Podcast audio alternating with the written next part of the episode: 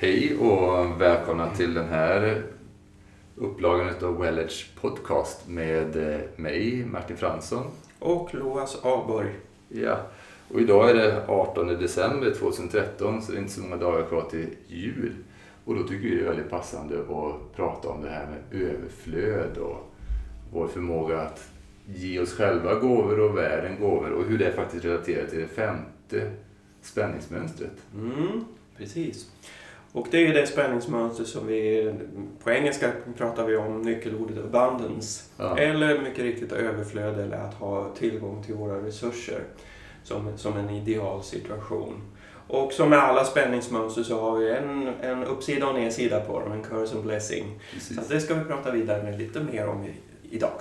Så dryga halvtimmen så kan du hänga med på den här resan och få fördjupat perspektiv och förmåga att läsa det här i dig själv och i det andra plocka upp när vi håller det här både som ett fysiskt spänningsmönster såväl som emotionellt och mentalt och som en livshållning. Och också lite övningar som man kan börja göra själv för att stödja processen att komma ut ur det här tillståndet i kroppen och knoppen.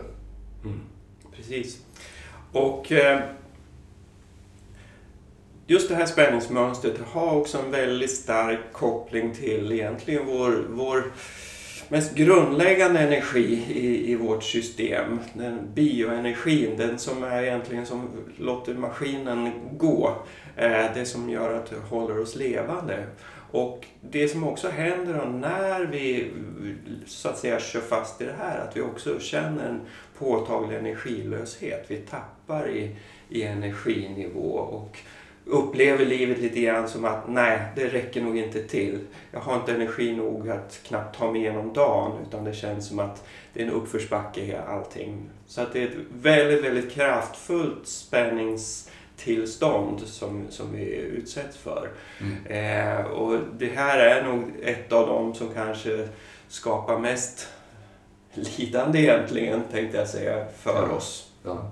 Och Jag kan säga att det här är ju, om man tänker de här fem spänningsmönstren som vi har pratat om så, säga, så är det här så är den sista strategin som vårt nervsystem, vår fysiologi, våra celler griper sig an så att säga. På ett sätt. Det finns en progression där det här är liksom slutfasen där man tänker att till att börja med så ser vi en fara och vi liksom oroar oss för framtiden och hur ska vi förhålla oss till det här? Energin går ner i tredje fasen, ner i höften och bäcknet. Hur ska jag ta mig bort ifrån det här eller ta mig emot det här? Eller jag gör mig hög status i det fjärde spänningsmönstret. Men om det är som så att man blir jagad utav tigern och du springer och springer och springer och springer. Eller du hamnar i en hotsituation där det bara att det här är överväldigande, det här är övermäktigt, det här är för mycket. Mm. Då kollapsar vi. Och det är faktiskt den, den sluttampen så att säga i våra strategier. Men å andra sidan så är det här det första livsstrategin. Alltså nu har hört den här bioenergin. Det här är också den första livsstrategin som livet hade när det var fara och färde. Mm. Det var att nu stänger vi butiken. Nu Mm. spelar vi döda. Vi släcker ner. Mm. För genom att släcka ner vår livskraft så potentiellt så blir vi inte uppätna. Mm. Och det här finns ju med då givetvis i den, om jag nu tänker att du blir jagad utav en, en sabeltandad tiger och du springer och springer. Det sista du kan göra när du känner att din energidepå är slut, nu orkar jag inte längre, så bara faller man ihop. Har ni sett på hur många naturfilmer som helst? Kollapsar. Mm. Bara fosterstadier bara rullar ihop sig och är helt lealösa. Det finns helt likblekhet. Mm. Hela systemet har bara slocknat ner. För potentiellt så blev vi inte uppätna då. Men att vara kvar i det chockade, kollapsade tillståndet. Det finns ju en spännvidd här hur mycket det kan vara. För det finns ju en annan mildare variant på det som vi kommer att prata om också. Absolut. Mm. Men just att vara här, det är otroligt mycket livskraft som så att säga är nedsläckt och håller det här på plats också. Mm. Om det fortgår. Ja. Men i djurvärlden så inom loppet av en minut så sprattlar ju råttan, musen till eller rådjuret till om det har överlevt och så sprats, spritter det till med jättemycket livskraft och sen så förhoppningsvis så överlever det. Mm. Tar det surfaran. Ja, precis. Mm. Och så ska det vara. Men det är ju den här, vi bär det här som en kronisk livsstrategi som det är väldigt tärande. Mm. Precis. Och, och det som är så spännande med det här spänningsmönstret är ju också att det är ett som vi alla känner igen. Ja. Väldigt påtagligt, både i oss själva och i vår omgivning. Och återigen, alla spänningsmönster har ju sitt uttryck i kroppen och därmed också i, i kommunikation med Mm. vår omgivning. Och det här är ett av dem som vi, vi som sagt känner igen nästan bäst av alla. Och det är ju det som, som vi går in i när vi hamnar i, i, en, i ett underläge eller en offersituation. När en starkare alfahannen, alfahonan ställer sig över och så säger plats i korgen. Liksom. Och det vi gör är att vi drar in svansen mellan benen. Och det gör ju i princip alla djur. Ja. Och det är ett sätt att visa att jag är lägre i flocken. Du, Mm. du är starkare, jag är svagare. Och som kommunikation i ett sammanhang i en flock så är det här otroligt viktigt Mm. att kunna göra. För att det är, det är så vi också minskar konflikter egentligen i grund och botten. Och eh, oftast är det ju så att eh, i en, en vargflock eller en hundflock så tar det, det tar en halv sekund att sätta den här rangordningen. Sen är det klart. Ja. Och, och då skuttar alla hundar eller vargar runt och, och är en glad och trevlig flock igen. Ja. så så att det här är ett, egentligen ett fantastiskt eh, viktigt kommunikationsredskap egentligen oss emellan. Om man säger Ja. så. Och det är den milda varianten på Ja. så att säga, när vi använder den här livsstrategin så att säga, för att skicka en signal om att jag sänker garden så att säga. Mm. Jag drar in svansen, jag Jag visar strupen. sig själv Och visa strupen. och visar strupen. Ja. Så det är precis det här som är en, en aspekt utav att vi fäller in svansen. Det blir spänningar i bäckenbotten, det är som svansen drar in sig.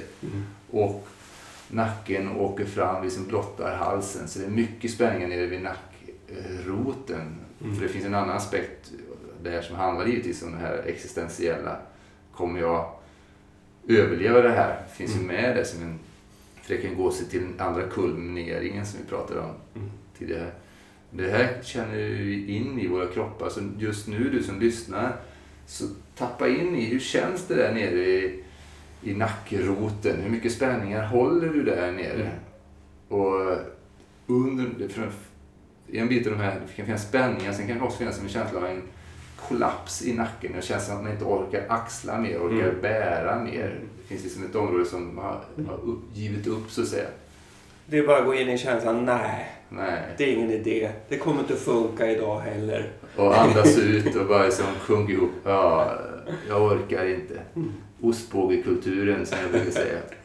Där vi som verkligen är ihopsjunkna, håglösa. Vi har andats ut livsimpulsen, vi har andats ut livet. Så bara, nej. Mm. Och det faktum är, det är spännande så jag brukar prata om det här. Det, är en, det finns flera studier gjorda om vikten av vår hållning. Men just den här positionen, som man kallar också lågstatusposition så att säga. Mm. Kontra spänningsmönster nummer fyra som är mer en hög status där vi sträcker på oss och ser hur kan vi brösta upp och bli så stora som möjligt. Så handlar det här om hur kan jag bli så liten som möjligt. Mm. Det finns ju en gradskala där, hur liten behöver jag göra mig för att jag ska få överleva den här situationen. Den totala kollapsen där i slutet av jakten, jag berättade om tidigare, eller bara den där lilla milda signalen att jag sänker blicken lite grann i ett möte med en annan person. Vi ser någon annan så det är som jag sänker blicken lite grann. Jag bara, lite lätt så visar jag att jag försöker inte hävda mig här mot den andra. Mm. Det här, är- du är chefen och jag är undernådig. Eller tvärtom. Så att känna in det här i dig själv, så att säga. Tappa in i det här mönstret. För vi går omkring och bär på alla de här strängarna i vår lyra hela tiden. Och vi kommunicerar mot vår omgivning och vi kommunicerar in mot oss själva ständigt. Mm. Återigen, insidan och utsidan. Ja. Mm. Och den här studien som jag gjorde var att under en minut enkom så fick eh, studenter, givetvis som ofta gör sådana här studier på, på Harvard Business School var det egentligen som gjorde det här, eh, Amy Cuddy, så fick de vara i lågstatusposition, inta någon position där de svängde in svansen mellan benen och liksom sjönk ihop så att säga. Och sen en minut efter de suttit i en sån position så tog man blodprov och tittade på stresshormonet kortisol. Och det såg man att det var mycket högre. Man tittade på testosteron både hos män och kvinnor och såg att det var mycket lägre. Det är ju så här underkastelse så har alltså betahannarna och honorna så de mycket lägre testosteronnivå. Mm. Ja. Vilket leder till en minskad riskbenägenhet eller minskad benägenhet att eh, söka förändring. Ja. Ja, att våga mer så att säga. Utan man liksom håller sig kvar i det gamla vanliga. Och dessutom blir mindre virila. Ja, precis. precis. mindre sexlust och sexdrift och Mm. impotens och allting hör till det här också. Mm. Så den här viriliteten, livspotentialen går ner. Och det här ska då kontrasteras till högstatus spänningsmönster nummer fyra med där de fick under en minut buffa upp sig och vara på olika sätt i någon position som vi vet ju otaliga olika varianter på det, men det visar sig förlänger våra ryggrad och gör oss större än vad vi är. En minut senare, blodprov, låga kortisolnivåer, det vill säga låga stresshormonpåslag, hög testosteron och vid ett litet test som man kallar riskbenägenhetstest så skårar de mycket högre. Mm. Oerhört intressant hur vår hållning, spänningsmönster, på så kort tid så ändrar det vår fysiologi och det ändrar hur våra hormoner Mm. är aktiva eller inte aktiva. Och det är ju också just det här kännetecknet för att det här är tillstånd. Ja. Och tillstånd i oss påverkar allt. Det påverkar varenda cell. Från liksom ögonblickligen. Eh, vissa system är snabbare än andra men, men i grunden så, så påverkar det varenda cell i vår kropp ögonblickligen. Inklusive ja, naturligtvis nervsystemet, immunsystemet, eh, hormonsystemet och alla de stora så att säga, funktionerna vi har egentligen. Otroligt fascinerande. Och det, man kan säga att det behöver inte vara så, men det finns ju vissa klassiska tecken på det här spänningsmönstret i våra kroppar när vi bär det. Vi pratar lite grann om håglöshet, låg energi och så vidare. Men ofta så är det kopplat med spänningar i, kring nackroten, kring axlarna. Mm. Och för somliga så är det faktiskt det här då att det finns, blir liksom i sin extremform mycket spänning. Man känna sig öm och spänd nere vid svanskotan. När man gnuggar sig nere vid svanskotan där så känns det väldigt ömt så att säga. Mm. Och, och för kvinnor och även för män så, så i sin extremform kan det ge, så olika underlivsproblematik då. För man går Mm. omkring och håller så mycket spänning nere i bäckenbotten att det, det skapar problem. Så det, det är intressant det här att man kan titta på ett kroniskt spänningsmönster kontra ett där det används kortsiktigt och används så som det skall som en kommunikationskälla för min överlevnad kontra när det, jag bär det som en livsstrategi, hur det då Mm formar hur min kropp uttrycks och hur den mår. Och det är även då du sa immunsystemet. Det, det, vi menar väl att väldigt många av de så kallade autoimmuna sjukdomarna, där vi, kronisk stress så här, leder till långsiktig eh, inflammatoriska tillstånd i vår kropp där kroppen börjar angripa sig själv. Hela vårt epigenetiska uttryck, vilka gener som aktiveras så att säga ändrar sig när vi Mm. bär det här spänningsmönstret länge. För det är som en signal som vi skickar in i cellerna till vårt DNA som säger det är fara och färde. Det är liksom verkligen livshotande gamla program som därmed aktiveras. Mm, precis. Jo, det är mycket riktigt. Det finns många tecken på att, att det finns den här starka kopplingen med autoimmun, autoimmuna sjukdomar och eh, i synnerhet det här spänningsmönstret. Mm. Eh, sen kan det vara mer komplext än så naturligtvis. Eh, men det, det finns ändå någonting som definitivt kan, kan förstärka den så att säga, tendensen eller den riskbenägenheten om man säger så. Ja. Mm. För att säga det lite snällare. Ja, precis. Allt är inte svartvitt. Det finns en, en skala där. Absolut. Så att det här är lite grann hur, hur det uttrycker sig i kroppen. Men det är ju också, som vi sa, det är ju känslotillstånd som hör till det här också. Mm. Utav håglöshet Mm. och lite uppgivenhet och känsla av att det finns inte nog till mig. Och Mm. Jag kommer aldrig lyckas. Och ett, både ett känsla och tanke språk så att säga, inåt och utåt. Mm, absolut. Och vi brukar lite på skoj säga så här att vi, när vi drar in svansen mellan benen, Ja, då, då går vi in i det här att inte räcka till. Att vi är svagare, att vi är klena, att vi inte duger, att vi liksom inte riktigt har tillgång eller resurser att kunna stå upp för oss själva eller någonting sådant. Den andra aspekten som, som Martin pratade om, att det också händer väldigt mycket i nackroten. Eh, nackroten har ju också i, i vårt liv mycket koppling till frustrationen och ilskan. Och det är den andra komponenten i det här också. Att vi ofta också säger att det är inte rättvist. Nej. Så först åker svansen in och så nej. Och sen så, så kommer nacken in och säger att det är inte rättvist. Det reser ragg ändå lite grann där. Ja, precis. Och, och vi känner oss otroligt frustrerade över situationen också. Eh, så att vi kan vara i, med svanskotan, då brukar vi säga att de är rent offerskap. Medan när, vi, när mer av nackroten kommer in, då blir det mer av den stora hämnaren istället. Ja. Så det, det, finns det är en, en dragkamp mellan de två funktionerna i Ja. ett och samma spänningsmönster. Och det här ser vi i djurvärlden när man ser liksom två hundar som möts, två katter. Så här. Hur den här dragkampen sker. Där det finns ett stadie där reser ragg så att säga och är den här liksom krigar, som spänningen är i axlarna och reser sig ragg. Och sen så kommer en punkt där och man hör liksom den här tonen i ljudet, hur ljudet låter när svansen åker in. Men det finns fortfarande kan finnas den här, en annan, alltså ett visst ljud som kommer ut.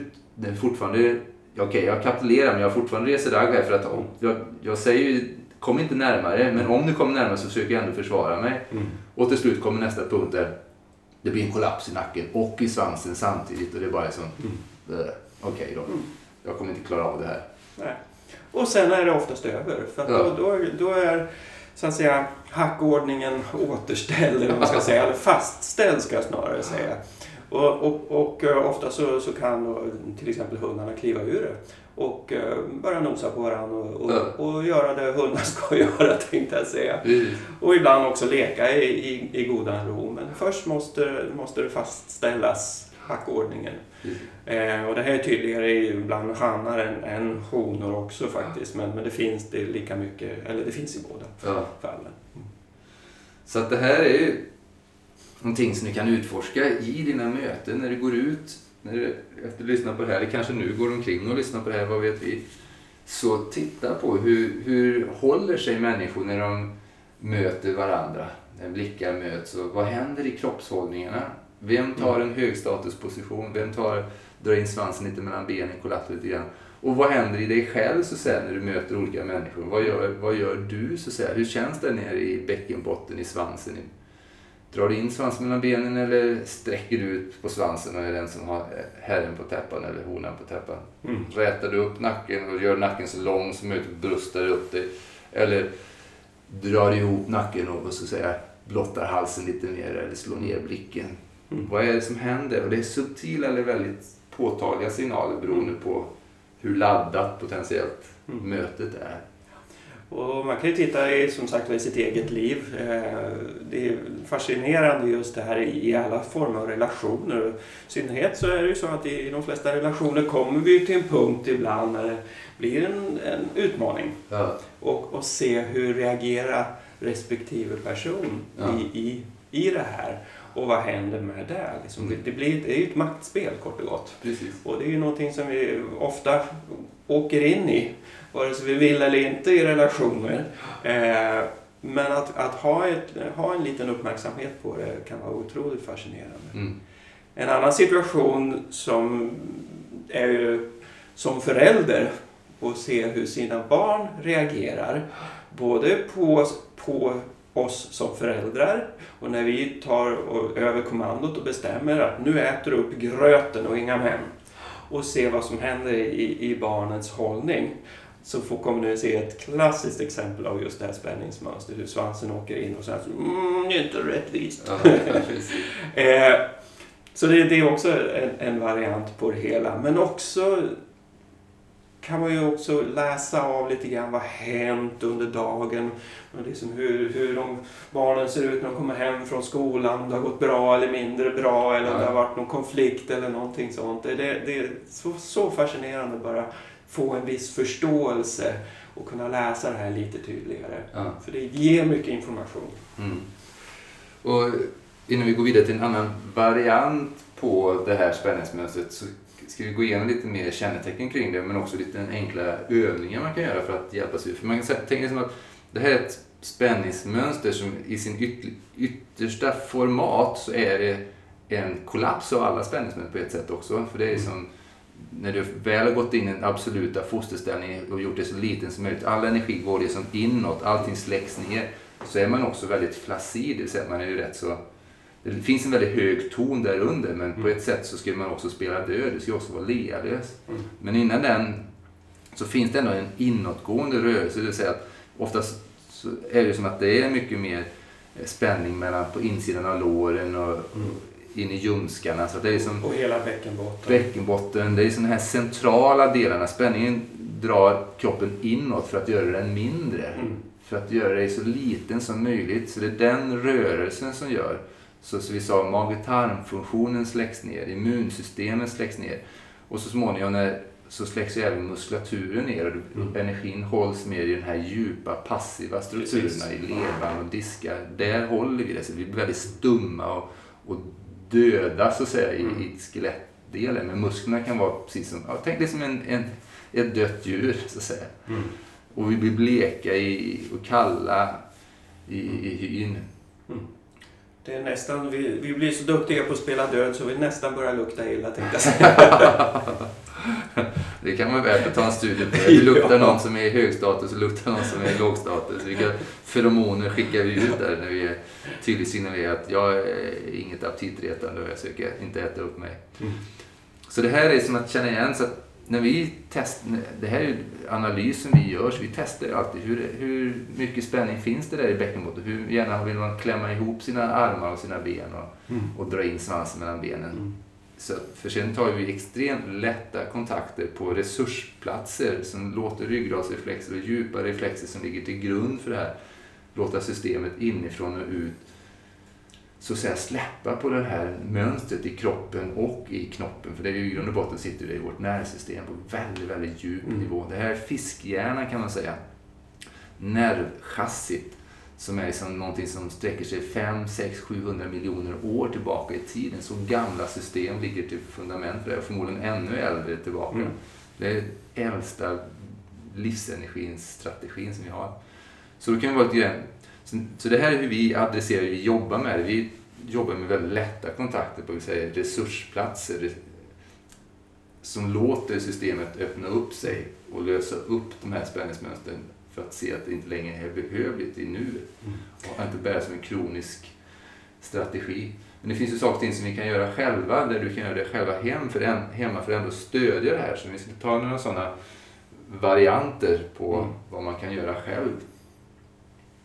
Precis. Och en bara liten enkel grej för att också bli mer uppmärksam och medveten om kroppen. Och, och som ni vet, kroppsmedvetenhet är en av de kanske allra viktigaste nycklarna i att skapa en förändring överhuvudtaget när, mm. när det gäller det här, det, det vi jobbar med. Och, och, och, i synnerhet de här väldigt grundläggande sakerna. Eh, och eftersom nu det här har så mycket med bäckenbotten och, och svansen att göra. Var klar över att även om vår svans är bara ett litet, litet, litet skrutt, den finns inte ens utanför kroppen utan det är en indragen liten skrutt så är det så neurologiskt sett så har vi faktiskt en stor och fin och yvig svans. Så vi visar med all tydlighet med vår kropp om vi drar in eller om, svansen mellan benen eller om den är stor och yvig. Så ett sätt att, att bara leka lite grann med det här, om man tar sina händer och så lägger man dem precis där svanskotan är, längst ner i bäckenet, nästan in i, i, i rumpvecket tänkte jag säga. Eh, och ha, lägg händerna där mjukt och fint, bara bli medveten om det här området.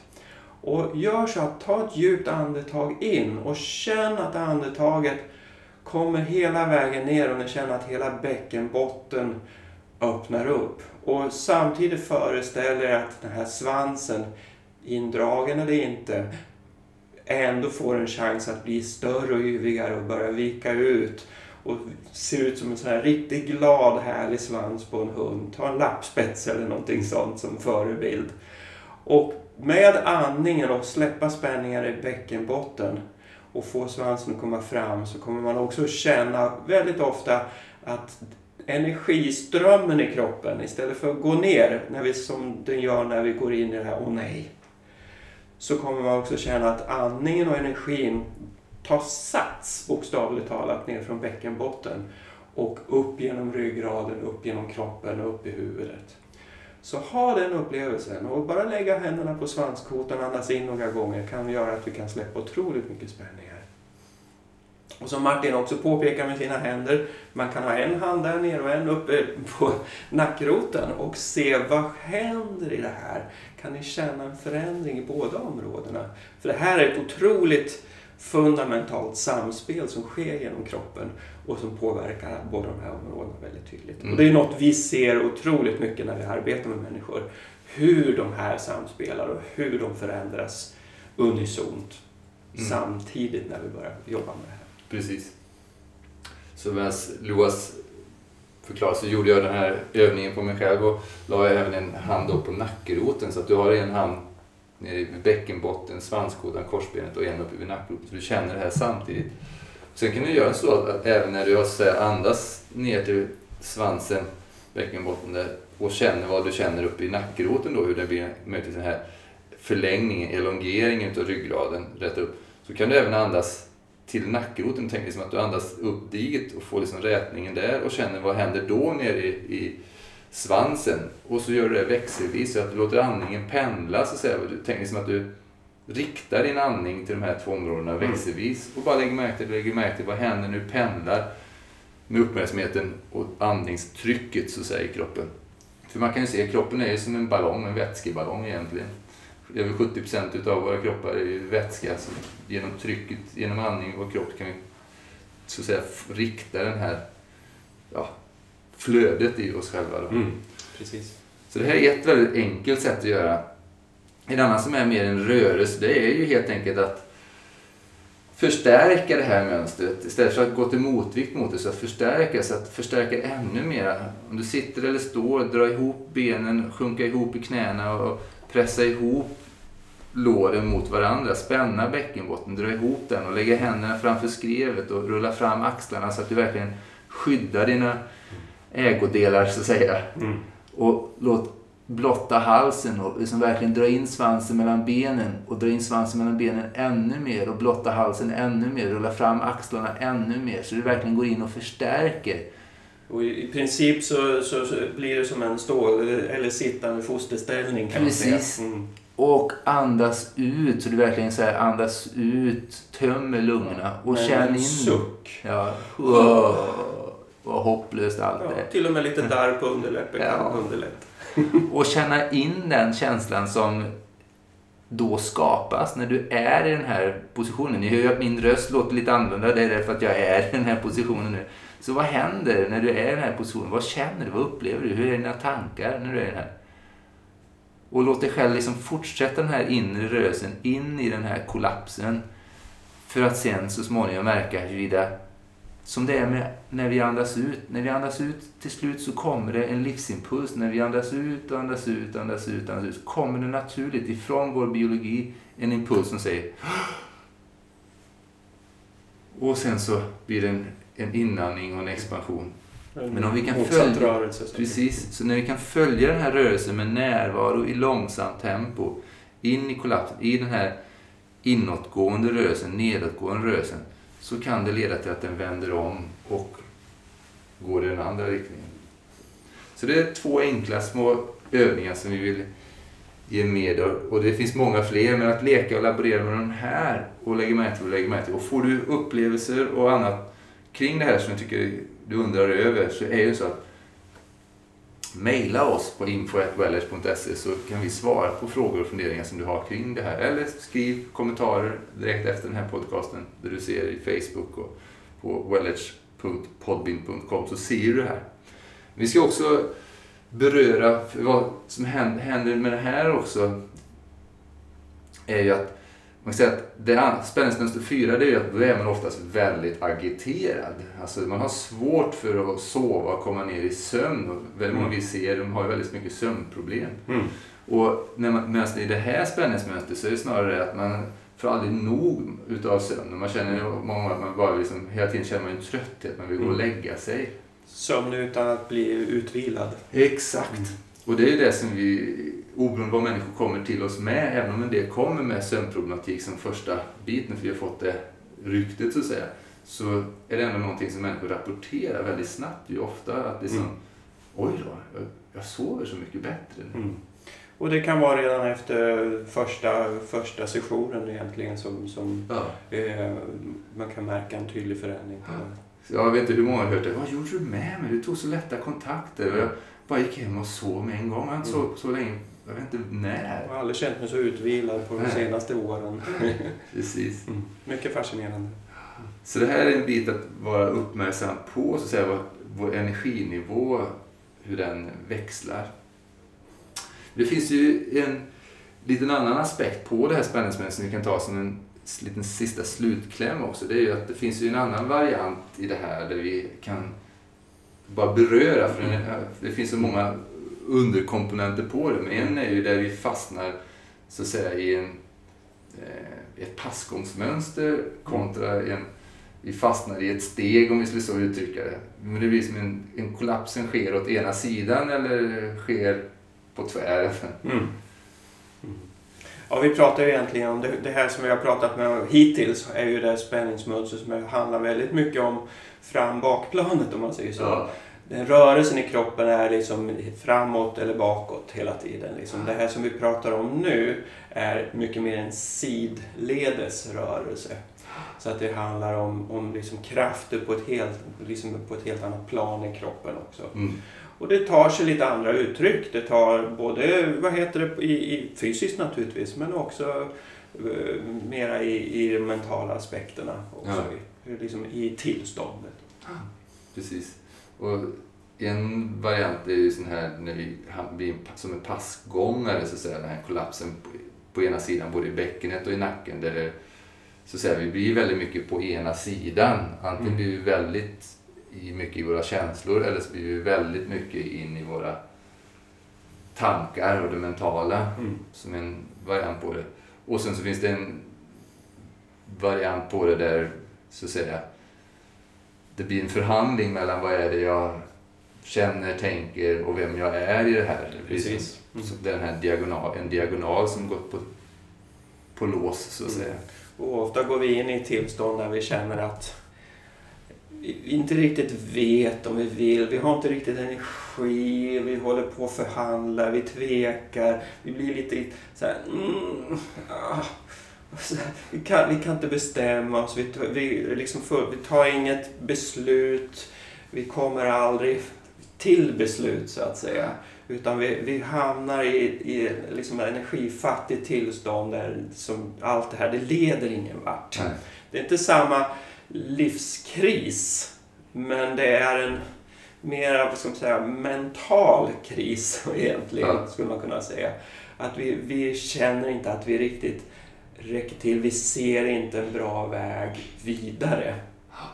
Inte bara för ren överlevnad utan för liksom vem, vem vi är, vem, vi- vilken roll vi ska ta, hur vi, hur vi kommer vidare i livet och så vidare. Så det här är lite mer, finns rätt mycket att gå igenom kring den här, för det finns så många undervarianter på det, men det är lite grann att lägga märke till i din kropp.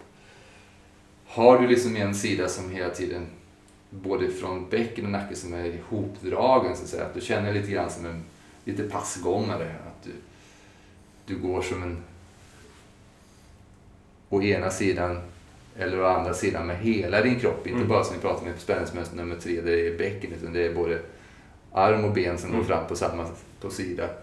Eller är det en annan varianten på det där du så att säga liksom är så här, riktigt vankelmodig, inte bara nere med bäckenet utan även upp med nacken. Där liksom vet inte riktigt hur du ska hålla dig själv. Mm. Precis. Men alla de här varianterna handlar ju om att vi har kommit bort ifrån, oberoende det är fram bakplanet eller sidoplanet, så har vi kommit bort ifrån våran core, från vår balanspunkt. Vi Ja. är borta ifrån vårt centrum. Och framförallt, vi har inte tillgång till våra resurser. Nej. Eh, Vi hamnar i den här bristupplevelsen. Att, att det inte finns så det räcker. Eh, Och det är ju det som, är, det som händer när vi börjar arbeta med det här, när vi börjar få tillgång till resurserna, när vi jobbar från de här resursfyllda områdena med våra lätta kontakter, är ju att plötsligt så, så händer ju någonting. Vi börjar få tillgång till energi igen. Och vi kan kliva ur det här. Vi skapar en trygghet som är stor nog för att vi ska ha, kunna ta de här kliven, resa Mm. oss upp och, och våga stå för vem vi är och, och, och vår plats i flocken om man säger så. Ja. Vara med och leka igen istället för att ligga och, och ge upp om man säger så. Precis. Och det, så slutklämmen är ju sån här att det är skifte från om vi säger bristmedvetande som är kan man säga då cursen, men det finns ju en gåva i- givetvis i det för det handlar om vår överlevnad. Men till skifte till det här överflödsmedvetenhet när vi Mm. verkligen har en resursfullhet och kapacitet och ser liksom att livet har ju överflöd att ge mig. Mm. Och jag har överflöd utav kapacitet att nära och stärka och göra val som är är hälsofrämjande och livsbefrämjande för mig och mina nära och kära. Så det är en otrolig potential i det här mönstret åt båda hållen. Så att säga. Absolut. Och, ja, med det ska vi runda av och tacka för er uppmärksamhet. Och har ni frågor, snälla skriv kommentarer till oss, mejla till oss. Vi uppskattar det jättemycket. Och i nästa podcast så kommer vi gå in mer, prata mer om det här med sömn, återhämtning, den här pen, den stora energipendlingarna mellan dagsvakenhet, sömn och återhämtning. Hur vårt medvetande så att säga pendlar och Vad det är som gör att så många människor som vi möter och som säkerligen du kan läsa om där ute, och sen, om inte det själv så känner du säkerligen många som har stora problem med sömn och vakenhetsgraden, Mm. energinivån. Mm. Så det kommer vi utforska mer i nästa episod. Mm. Och tills dess önskar vi er härliga helger. Ja. Tack ska ni ha. Tack för nu.